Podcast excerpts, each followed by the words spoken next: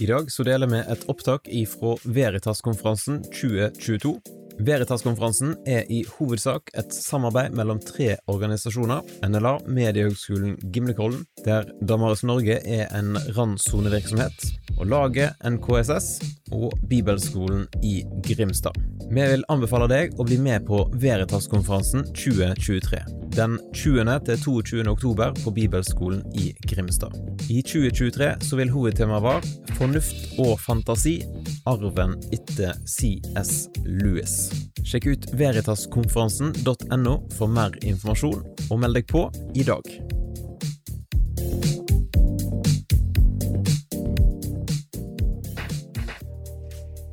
Nå håper jeg at dere er klare for å bli med på et tankeeksperiment. Da har jeg lyst til å invitere dere til å se for dere en stige mellom himmelen og jorda. Og så tenker jeg at du kan se for deg den stigen akkurat sånn som du vil. Hvis du har god fantasi, så kanskje den har veldig fine utskjæringer, sirlige sølvkanter. Eller hvis du er litt sånn tech-person, så kanskje denne stigen er en sånn elektronisk innretning som består av lyssignaler som går for fort for blikket vårt.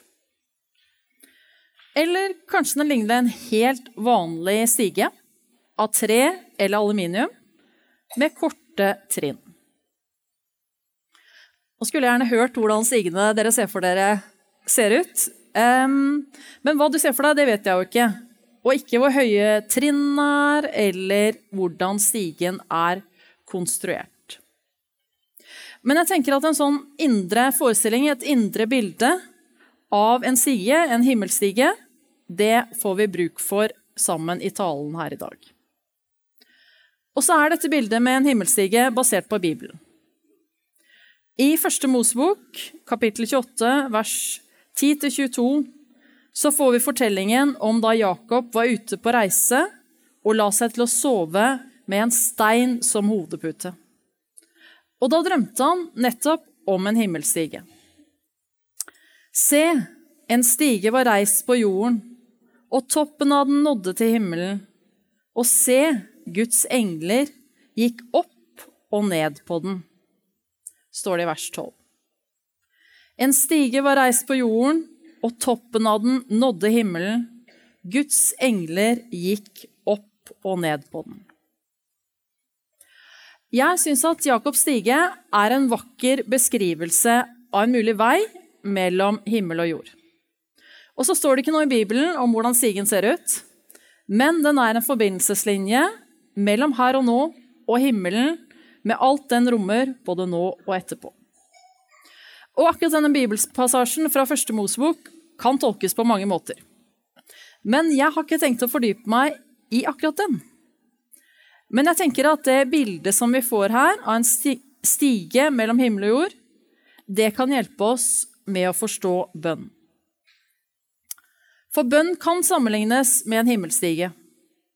Bønn er stigen som våre lengsler, våre håp, våre ønsker om å gi andre gode gaver, om å be for verden, det er den stigen som disse ønskene ferdes på.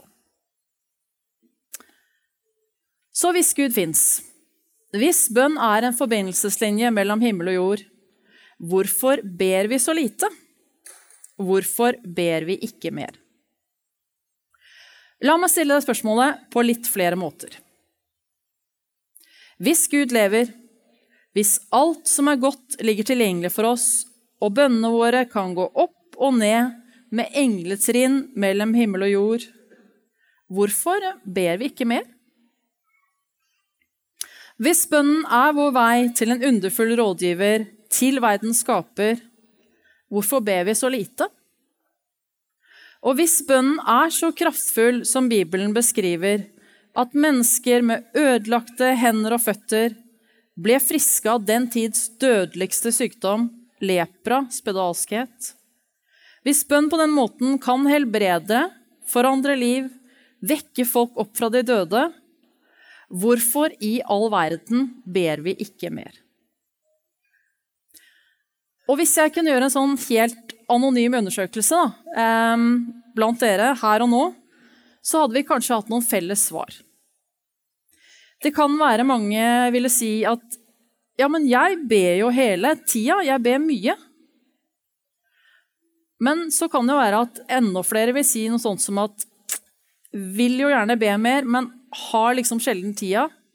Eller skjønner faktisk ikke helt greia. Eller bønn er vel mest for gamle folk. Eller ja, dårlig samvittighet der. Orker egentlig ikke å tenke på det. Burde bedt mer. Eller hva snakker hun om? Jeg ba jo i går. Hvor ofte skal jeg egentlig be?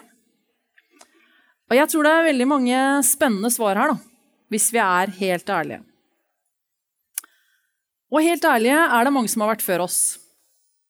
Herre, lær oss å be, sier disiplene til Jesus. Og det er en interessant bønn som de kommer med. Mest fordi det er disiplene som spør. Herre, lær oss å be. For de har jo gått sammen med Jesus. De kunne se Jesus som et fysisk, eh, fysisk menneske med egne øyne. De hadde sett mirakler, og så spør de allikevel lær oss å be. Og da er det kanskje ikke så rart at vi i dag kan av og til lure på det samme. Hvordan skal vi egentlig be? Og Jesus svarer på bønnen fra disiplene. Han lærer både dem og oss å be. Vi får ganske detaljerte instruksjoner akkurat hvordan vi skal be, hvor høyt tennene skal løftes, hvor mange lys som bør tennes, hvordan vi skal kle oss, når på dagen, hvor mange ganger vi skal be. Eller gjør vi det? Nei, ikke i det hele tatt. Jesus gjør det mye enklere enn det. Han gir oss i gave en enkel og vakker og spennende konstruert bønn på elleve linjer. Sånn er den formulert i Matteus evangeliet. Vår Far i himmelen. La navnet ditt helliges. La riket ditt komme. La viljen din skje på jorden slik som i himmelen. Gi oss i dag vårt daglige brød, og tilgi oss vår skyld, slik også vi tilgir våre skyldnere. Og la oss ikke komme i fristelse, men frels oss fra det onde. For riket er ditt, og makten og æren i evighet. Amen. Dette er ikke en ukjent bønn. Vi ber denne bønnen hver uke på møter eller gudstjenester. Men hører vi etter hva vi egentlig sier? Og hvis du helt ærlig nå tenker at mm, ja, nei, det gjør jeg kanskje egentlig ikke, jeg ber Herrens bønn, men tenker kanskje ikke så veldig nøye på hver setning. Vel, da er det faktisk helt på linje med det Martin Luther observerte for nesten 500 år siden. For i 1535 så fikk Martin Luther omtrent det samme spørsmålet som disiplene stilte Jesus. Hvordan kan jeg best be? Og det var barbereren til Luther som spurte om det. Peter Beskendorf. Og Luther tok spørsmålet på alvor. Han brukte ikke elleve linjer på å svare, han svarte med et 40 siders brev, som heldigvis er bevart. Og den franske filosofen Blaise Pascal skrev en gang at han måtte svare så langt fordi han ikke kunne svare kortere. Og jeg vil tro det, er det samme, var det samme med Luther. For Luther har mye klokt å fortelle oss. Og brevet er forresten nå utgitt på norsk i en fin, liten bokutgivelse. Og I dette brevet så lærer Luther barbereren sin, men dermed også oss, om å be vår far-bønnen, både som oppvarming til bønn og som en sentral del av bønnestunden. Og Luther han erkjenner med ærlighet at Herrens bønn har fått hard medfart på hans tid. Luther selv skriver at han mener at Herrens bønn er den aller beste bønnen. Luther skriver det er sannelig en ekte mester som har satt sammen denne bønnen og lært den videre. Og så skriver han at det er sorg på sorg at så mange ber vår far-bønnen uten andakt, uten å tenke gjennom den. Så derfor tenkte jeg at vi skulle tenke oss litt gjennom vår far-bønnen sammen i dag. For denne bønnen, denne himmelstigen, er full av gaver. Hvis vi begynner med den første setningen 'Vår Far i himmelen', Hvilken gave får vi i hendene her? Jo, vi får en retning, vi får en relasjon.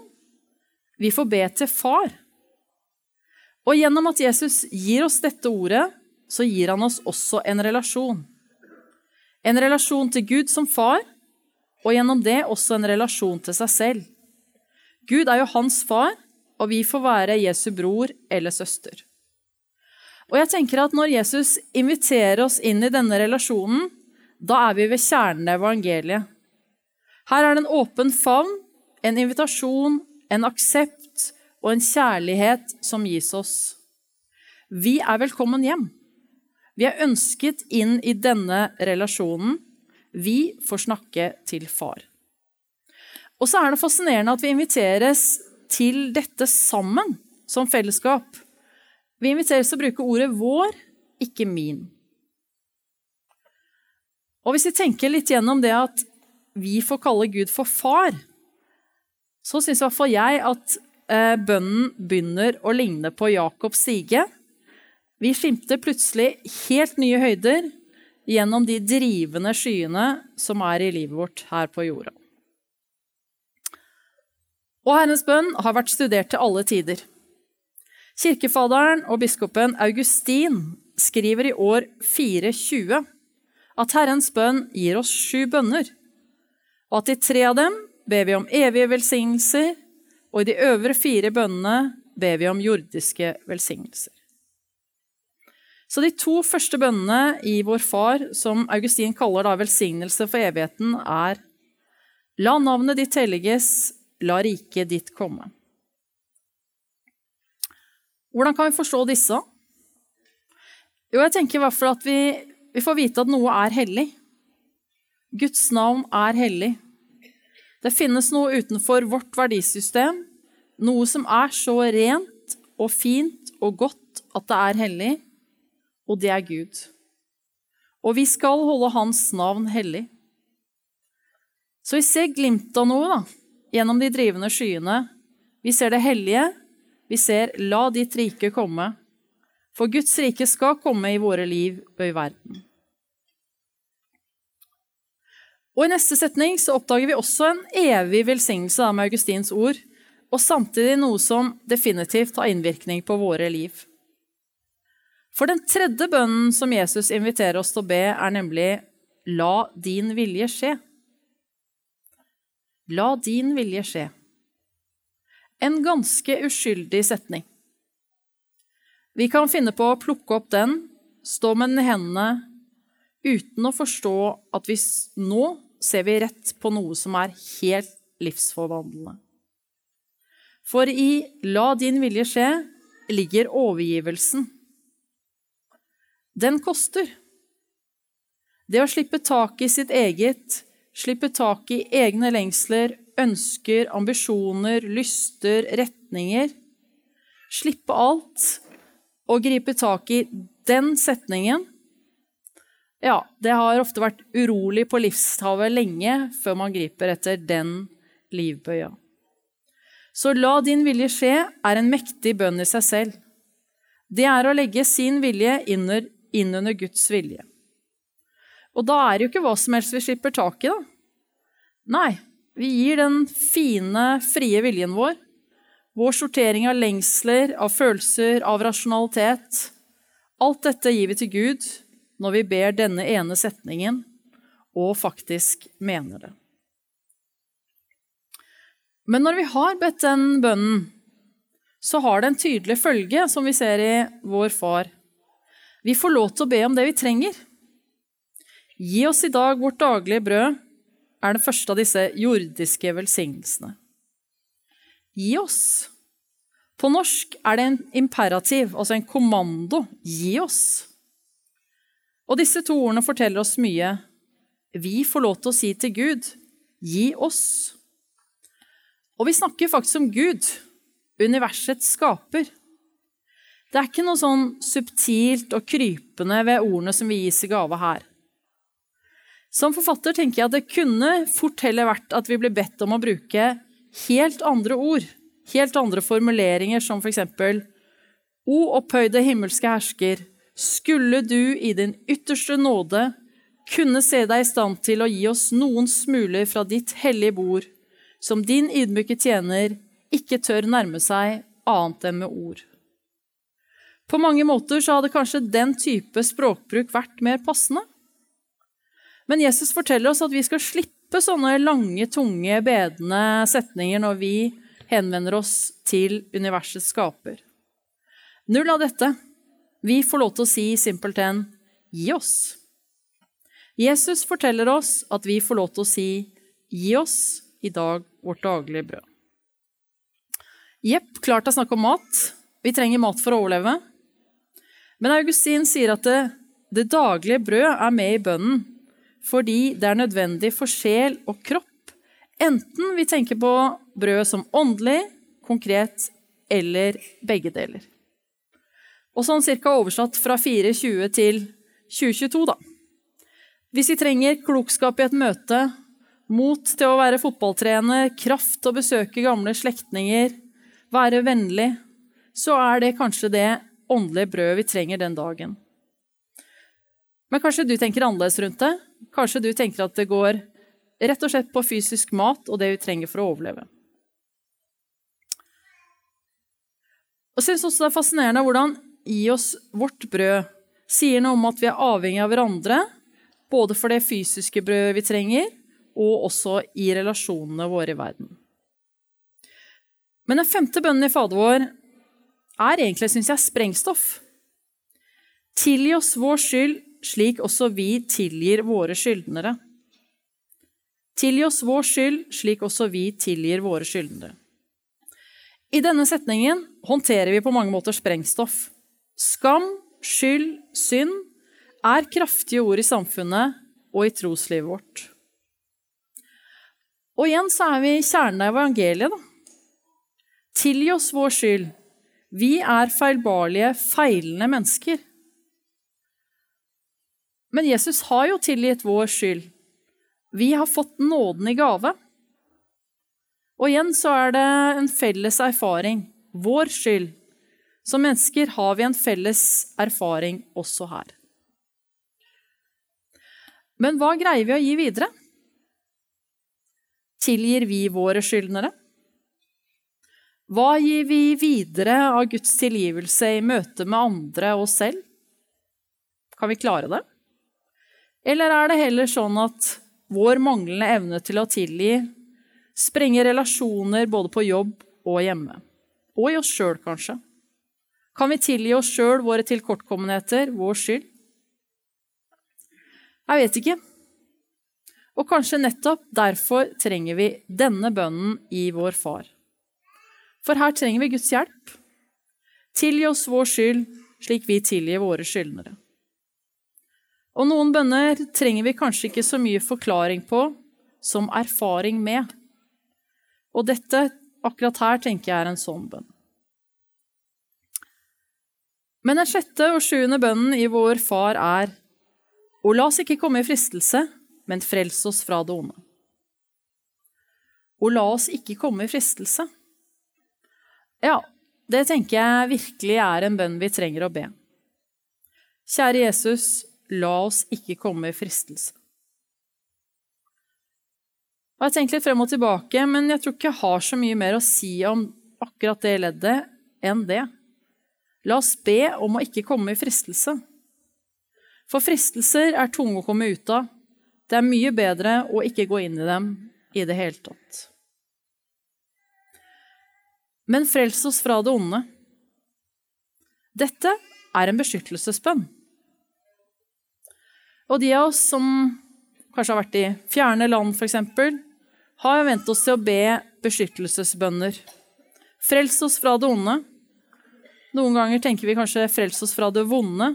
Frels oss fra ulykker, farer, vold, alt som er vondt og ondt. Og den bønnen tror jeg vet på mange måter, mange ganger. Kanskje med litt ulik ordlyd. Aleine på en grenseovergang i Kaukasus foran bevæpna soldater. I jungelen i Amazonas, i søvnløse nordiske netter. Og alle disse forskjellige bønnene som ligger i Herrens bønn, de oppsummerer vi da, i en sånn tillitsfull erklæring av tro. For riket er ditt, og makten og æren i evighet. Amen. Og dette er i seg selv en trosbekjennelse. For det er jo håp om de ting vi ikke ser.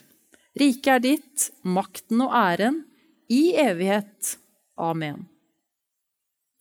Og amen er jo et sånt lite, tilsynelatende uskyldig ord som vi jo ofte, eller alltid, bruker når vi ber. Men det er mye mektigere enn det ser ut til, det lille ordet. Amen, sier Martin Luther, er en måte å si 'det er fullbrakt' på. Så her i Herrens bønn har vi det vi trenger for å be. Og når vi har bedt denne bønnen, så har vi lagt ting i Guds hånd. Det er fullbrakt. Så hvordan kan vi best be, da? Hvordan kan vi se for oss vår himmelstige? Holder det å be Herrens bønn og la den være himmelstigen vår? Ja, absolutt. Men interessant nok så forteller Luther hvordan han, ja, han ber Herrens bønn, men deretter så vever han sin egen bønn inn i denne. Luther skriver om hvordan han tar en av disse bønnene som vi nå har lest, en av setningene, og så legger han til sine egne formuleringer som er knytta til hans liv, inn i dette temaet. Og Luther han er ganske frisk i formuleringene der, altså. Han gir oss eksempler på hvordan man kan be hvert av disse bønneleddene. Men så sier han til Beskendorf, og dermed også til oss, at vi skal ikke velge hans, altså Luthers ord, vi skal velge våre egne. Men jeg syns det er interessant hvordan eh, Luther både ber Herrens bønn, og også ber videre med egne ord som er vevd inn i bønnen. Så på mange måter så foreslår altså Luther i 1535 en fusion mellom en fast bønn og frie bønner. Og så er det en fin måte å be på da, for oss som strever med at tankene svirrer i, i bønn. Og så er det perfekt for deg som lurer på om du skal be frie bønner eller faste bønner eller begge deler. Her kan du i hvert fall gjøre begge deler. Og så er det interessant å legge merke til i dette brevet også at Luther gjør rom for Ånden, Den hellige ånd. Han sier at ja, vi skal sette oss ned for å be, Um, men om Ånden taler, så er ett ord av Åndens tale bedre enn tusen av våre bønner. Men dere, hvis Gud lever, hvis vi har fått en ferdig bønn, hvis vi når som helst kan sette opp en himmelstige, hvorfor ber vi så lite? Hvorfor ber vi ikke mer? Vi får jo lov til å be til en far. Vi er gitt en bønn som rommer så mye av troen og menneskelivet at vi kunne bruke lang tid bare på å venne oss til å be innholdet i hvert av disse eh, bønneleddene, disse setningene.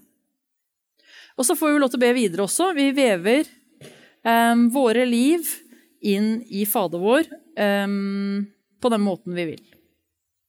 Så hvorfor ber vi ikke mer? Ja, vet du hva, her kunne jeg tenke meg en 20 minutters tankepause. For jeg tror at um, de svarene som jeg ga innledningsvis, er bare noen veldig få av mange mulige svar. Og ditt svar er neppe mitt svar. Og kanskje ingen av oss egentlig har tenkt skikkelig gjennom det. Så her vil jeg heller stille noen spørsmål. Kan det være at vi ikke ber mer fordi vi mangler tro? At vi lurer på om det å be egentlig hjelper, egentlig forandrer noe? Eller, siden vi er på Veritas, kan det være at ord som rasjonalitet, fornuft, kommer i veien for bønnen vår? Kanskje vi tenker at vi må være nøkterne og fornuftige og ikke drømme oss bort med ønsker og himmelstiger? Eller kan det være at vi lever i et samfunn hvor vi har så mange bekvemmeligheter og sikkerhetsnett at vi ikke trenger å kaste oss på knærne i bønn? Eller kan det være at vi ber så godt vi kan?